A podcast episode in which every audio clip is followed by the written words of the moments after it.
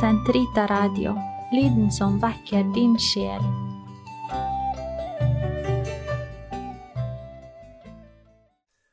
Vi er nå kommet til annet avsnitt i kompendiets annen del, Kirkens syv sakramenter.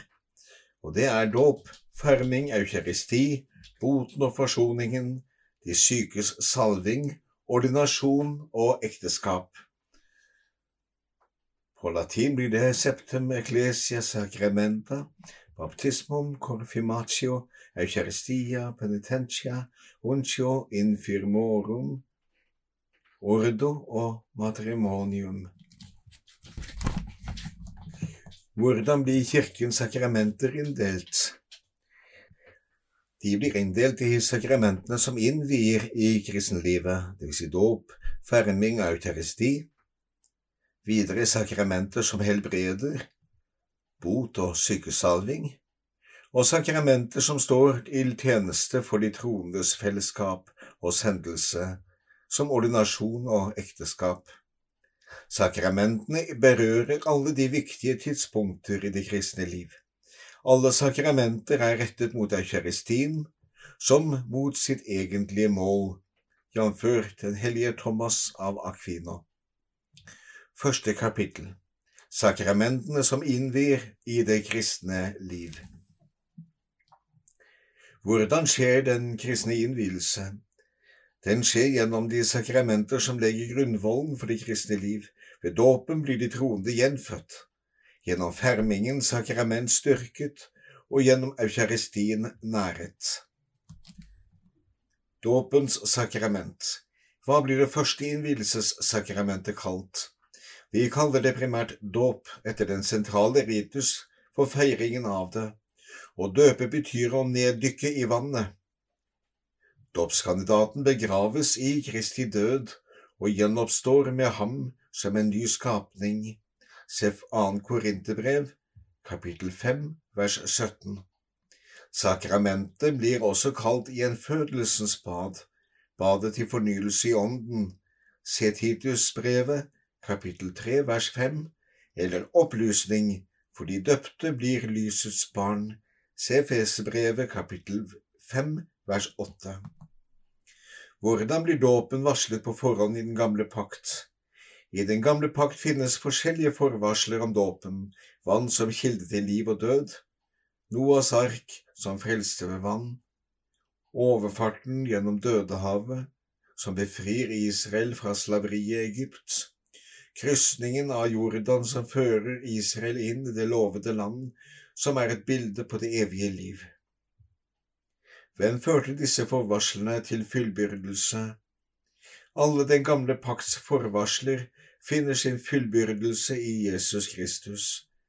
Han begynte sitt offentlige virke etter å ha latt seg døpe av Johannes døperen i Jordan. På korset strømmet blod og vann, tegn på dåpen, eukaristien, ut av hans gjennomborede side. Etter oppstandelsen ga han apostlene sendelsen, da derfor ut og gjør alle folkeslag til disipler, ved å døpe dem til Faderens og Sønnens og Den hellige ånds navn. Se Matteusevangeliet, kapittel 28, vers 19. Fra når og til hvem har Kirken meddelt dåpen? Fra pinsedag av har Kirken meddelt dåpen til alle som tror på Jesus Kristus. Hva består den vesentlige dåpsritus i? Dette sakramentets vesentlige ritus består i at dåpskandidatene, eller katekumenene, blir neddykket i vann, eller at hodet deres blir overøst med vann mens Faderens og Sønnens og Den hellige ånds navn blir påkalt. Hvem kan motta dåpen? Ethvert menneske som enda ikke er blitt døpt, er i stand til å motta dåpen. Hvorfor døper Kirken barn? fordi barna som er født med arvesynd, trenger dåpen for å bli befridd fra det ondes makt, og slik gå over til Guds barns frihet. Hva blir forlangt av en dåpskandidat? Trosbekjennelsen blir forlangt av hver dåpskandidat. Ved voksendåp blir den fremsagt av kandidaten selv, og ved barnedåp av foreldrene og kirken. Også fadderne og hele det kirkelige fellesskap har medansvar for forberedelsen til dåpen, katekumenatet, så vel som for troens utfoldelse og dåpens nåde. Hvem kan døpe? De ordinære forrettere av dåpen er biskopen og presten, og i den latinske kirke også diakonen. I nødsfall kan ethvert menneske døpe så fremt det har til hensikt å gjøre det som kirken gjør. Dette gjøres ved at den øser vann over dåpskandidatens hode og uttaler den trinitariske dåpsformelen. Jeg døper deg i Faderens og Sønnens og Den hellige ånds navn. Er dåpen nødvendig for frelsen? Dåpen er nødvendig for frelse for alle dem evangeliet er blitt forkynt for, og som har hatt mulighet til å be om sakramentet. Kan en nå frem til frelsen uten dåpen? Siden Kristus døde for alles frelse, kan de som dør for troens skyld, bloddåp såkalt, også bli frelst uten dåp. Katekumener av alle de som uten å kjenne Kristus og kirken, men drevet av nåden oppriktig søker Gud og streber etter å oppfylle Hans vilje, lengselsdåp, kan også bli frelst uten dåp. Barn som dør uten å være døpt, blir i kirkens liturgi overgitt til Guds barmhjertighet. Hvilke virkninger har dåpen? Ved dåpen blir alle synder tilgitt, både arvesynd og alle personlige synder, og all syndestraff blir ettergitt. Den gir del i treenighetens guddommelige liv gjennom helliggjørelsens nåde, den rettferdiggjørende nåde som innlemmer dåpskandidaten i Kristus og Hans kirke. Den gir del i Kristi prestedømme og danner grunnlaget for fellesskapet med alle kristne. Den meddeler de guddommelige dyder og Den hellige ånds gaver. De døpte hører for alltid Kristus til, de er blitt beseglet ved Kristi uutslettelige åndelige merke, karakter. Hvilken betydning har de kristne navnene en får ved dåpen? Navnet er viktig, for Gud kaller enhver ved navn, og navnet gir en enestående særpreg. Ved dåpen får den kristne sitt navn i kirken, fortrinnsvis navnet på en helgen, som gir den døpte et forbilde på hellighet som kan være en sikker forbedrer. Fermingens sakrament Hvilken plass har fermingen i den guddommelige frelsesplan? I den gamle pakt forkynte profeten at Ånden ville komme over den Messias de håpet på, og over hele det messianske folk. Hele Jesu liv og sendelse forløp i fullt fellesskap med Den hellige ånd. Pinsedag mottok apostlene Den hellige ånd og forkynte Guds storverk. Se apostelgjerningene kapittel 2 vers 11. Ved håndspåleggelse formidlet de denne samme åndens gave til de nydøpte. Gjennom århundrene har Kirken fortsatt å leve ved Ånden og å meddele ham til sine barn. Hvorfor blir dette sakramentet kalt krismasjon eller ferming? Det kalles krismasjon eller i Østerkirkens salving med hellig myron eller krisma, fordi sakramentets vesentlige ritus er salvingen med krisma. Det kalles ferming eller konfirmasjon fordi det bekrefter og styrker dåpsnåden. Hva består fermingens vesentlige ritus i? Fermingens vesentlige ritus er salvingen med hellig krisma, olje blandet med balsam vigslet av biskopen. Den som forretter legger hånden på den døpte og uttaler de sakramentale ord som hører til denne ritus. I Vesten blir pannen salvet med ordene Ta imot Guds gave, Den hellige ånds innseil. I Østkirken med bysantinsk ritus blir også andre kroppsdeler salvet med ordene Seil på Den hellige ånds gave. Hvilken virkning har fermingen?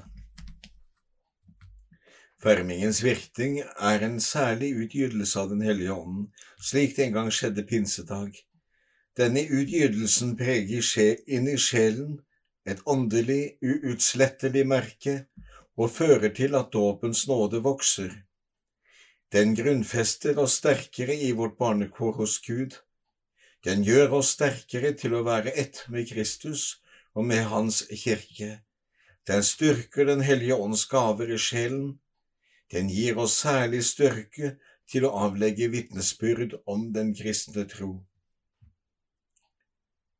Hvem kan motta dette sakramentet?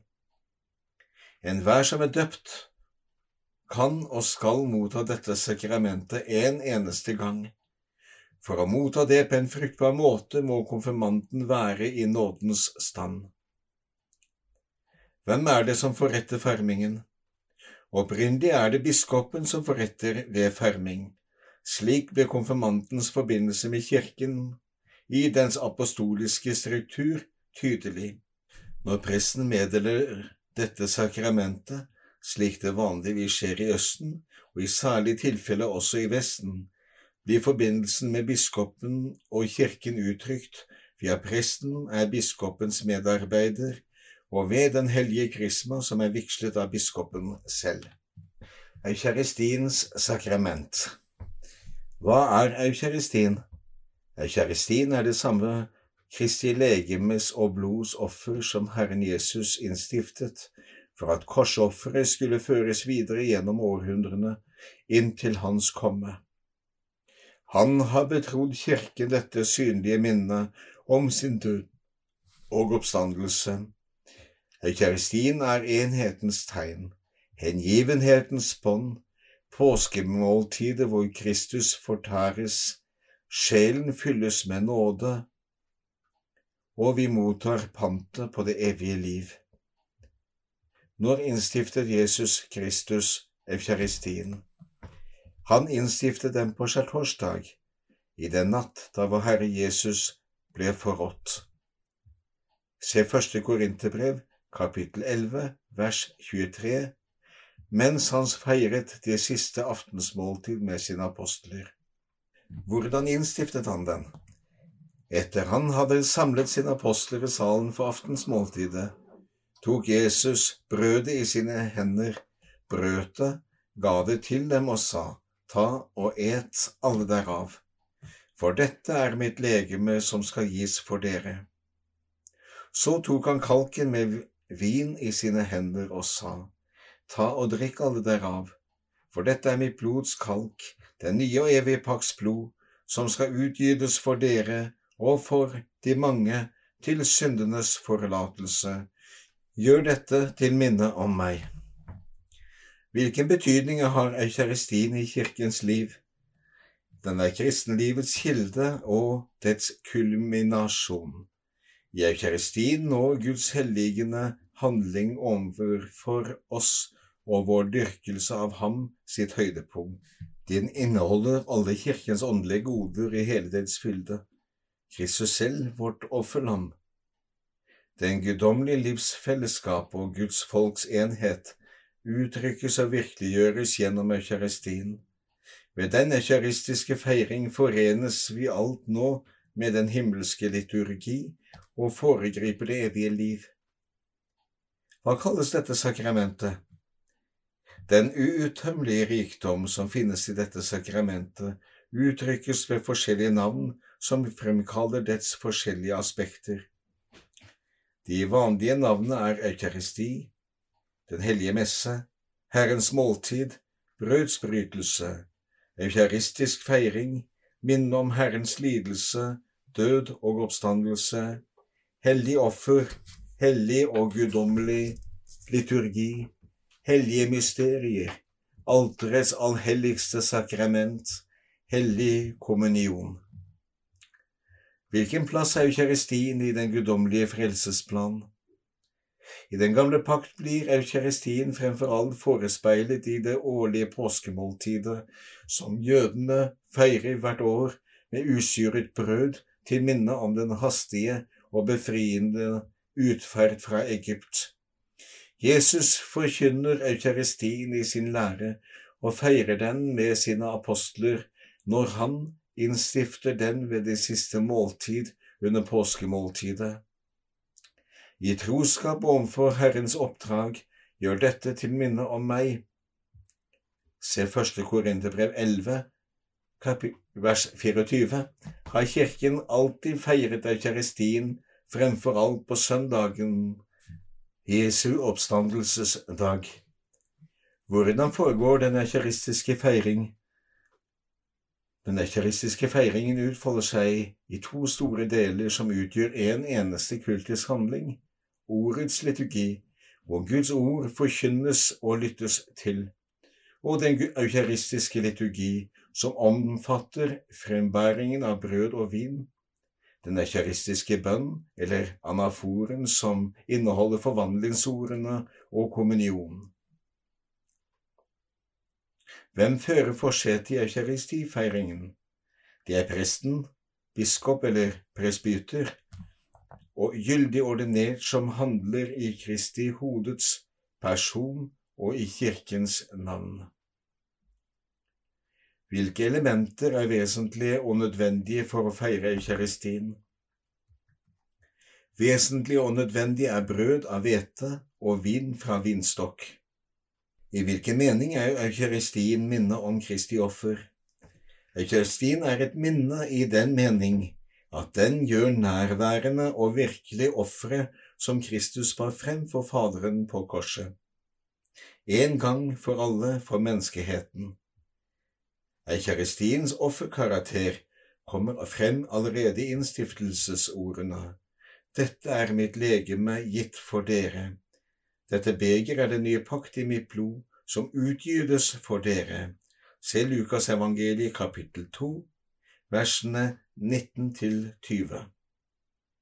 Korsofferet og eukaristiens offer er ett og samme offer. Offergaven og den ofrende er de samme, bare måten offeret skjer på, er forskjellig. Blodig på korset, ublodig i eukaristien. Hvordan tar Kirken del i dette eukaristiske offer? I eukaristien blir Kristi offer også til hans legemes lemmers offer. De troendes liv, deres lovsang og lidelser, deres bønn og deres arbeid forenes med Kristi gjerning. Som offer bæres eukaristien også frem som soning for de levendes og de dødes synder, og for erverve åndelig og timelig goder fra Gud. Også Kirken i himmelen er forenet med Kristi offer. Hvordan er Jesus til stede i eukaristien? Jesus Kristus er til stede i eukaristien på en enestående og uforlignelig måte. Han er til stede på en sann og virkelig måte med sitt vesen, sitt legeme og sitt blod, sin sjel og sin guddom. I eukaristien er altså hele Kristus, Gud og menneske, nærværende på sakramentalt vis, det vil si under brødets og vinens eukaristiske skikkelser. Hva betyr transsubstansiasjon?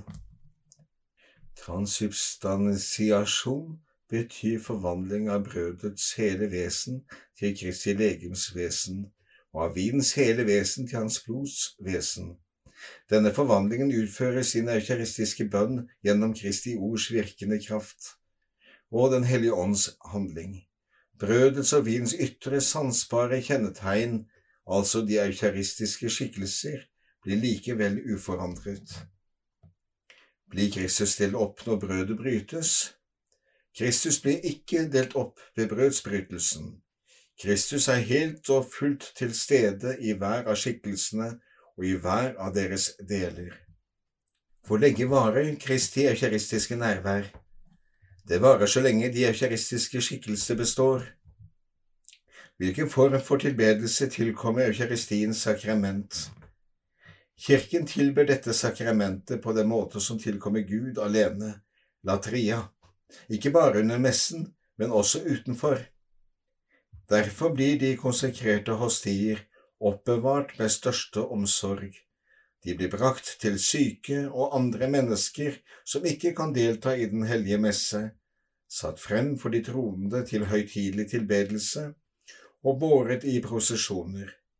Kirken innbyr de troende til hyppige kirkebesøk og til tilbedelse av det aller helligste sakrament som blir oppbevart i tabernaklet. Hvorfor er eukaristien påskemåltidet?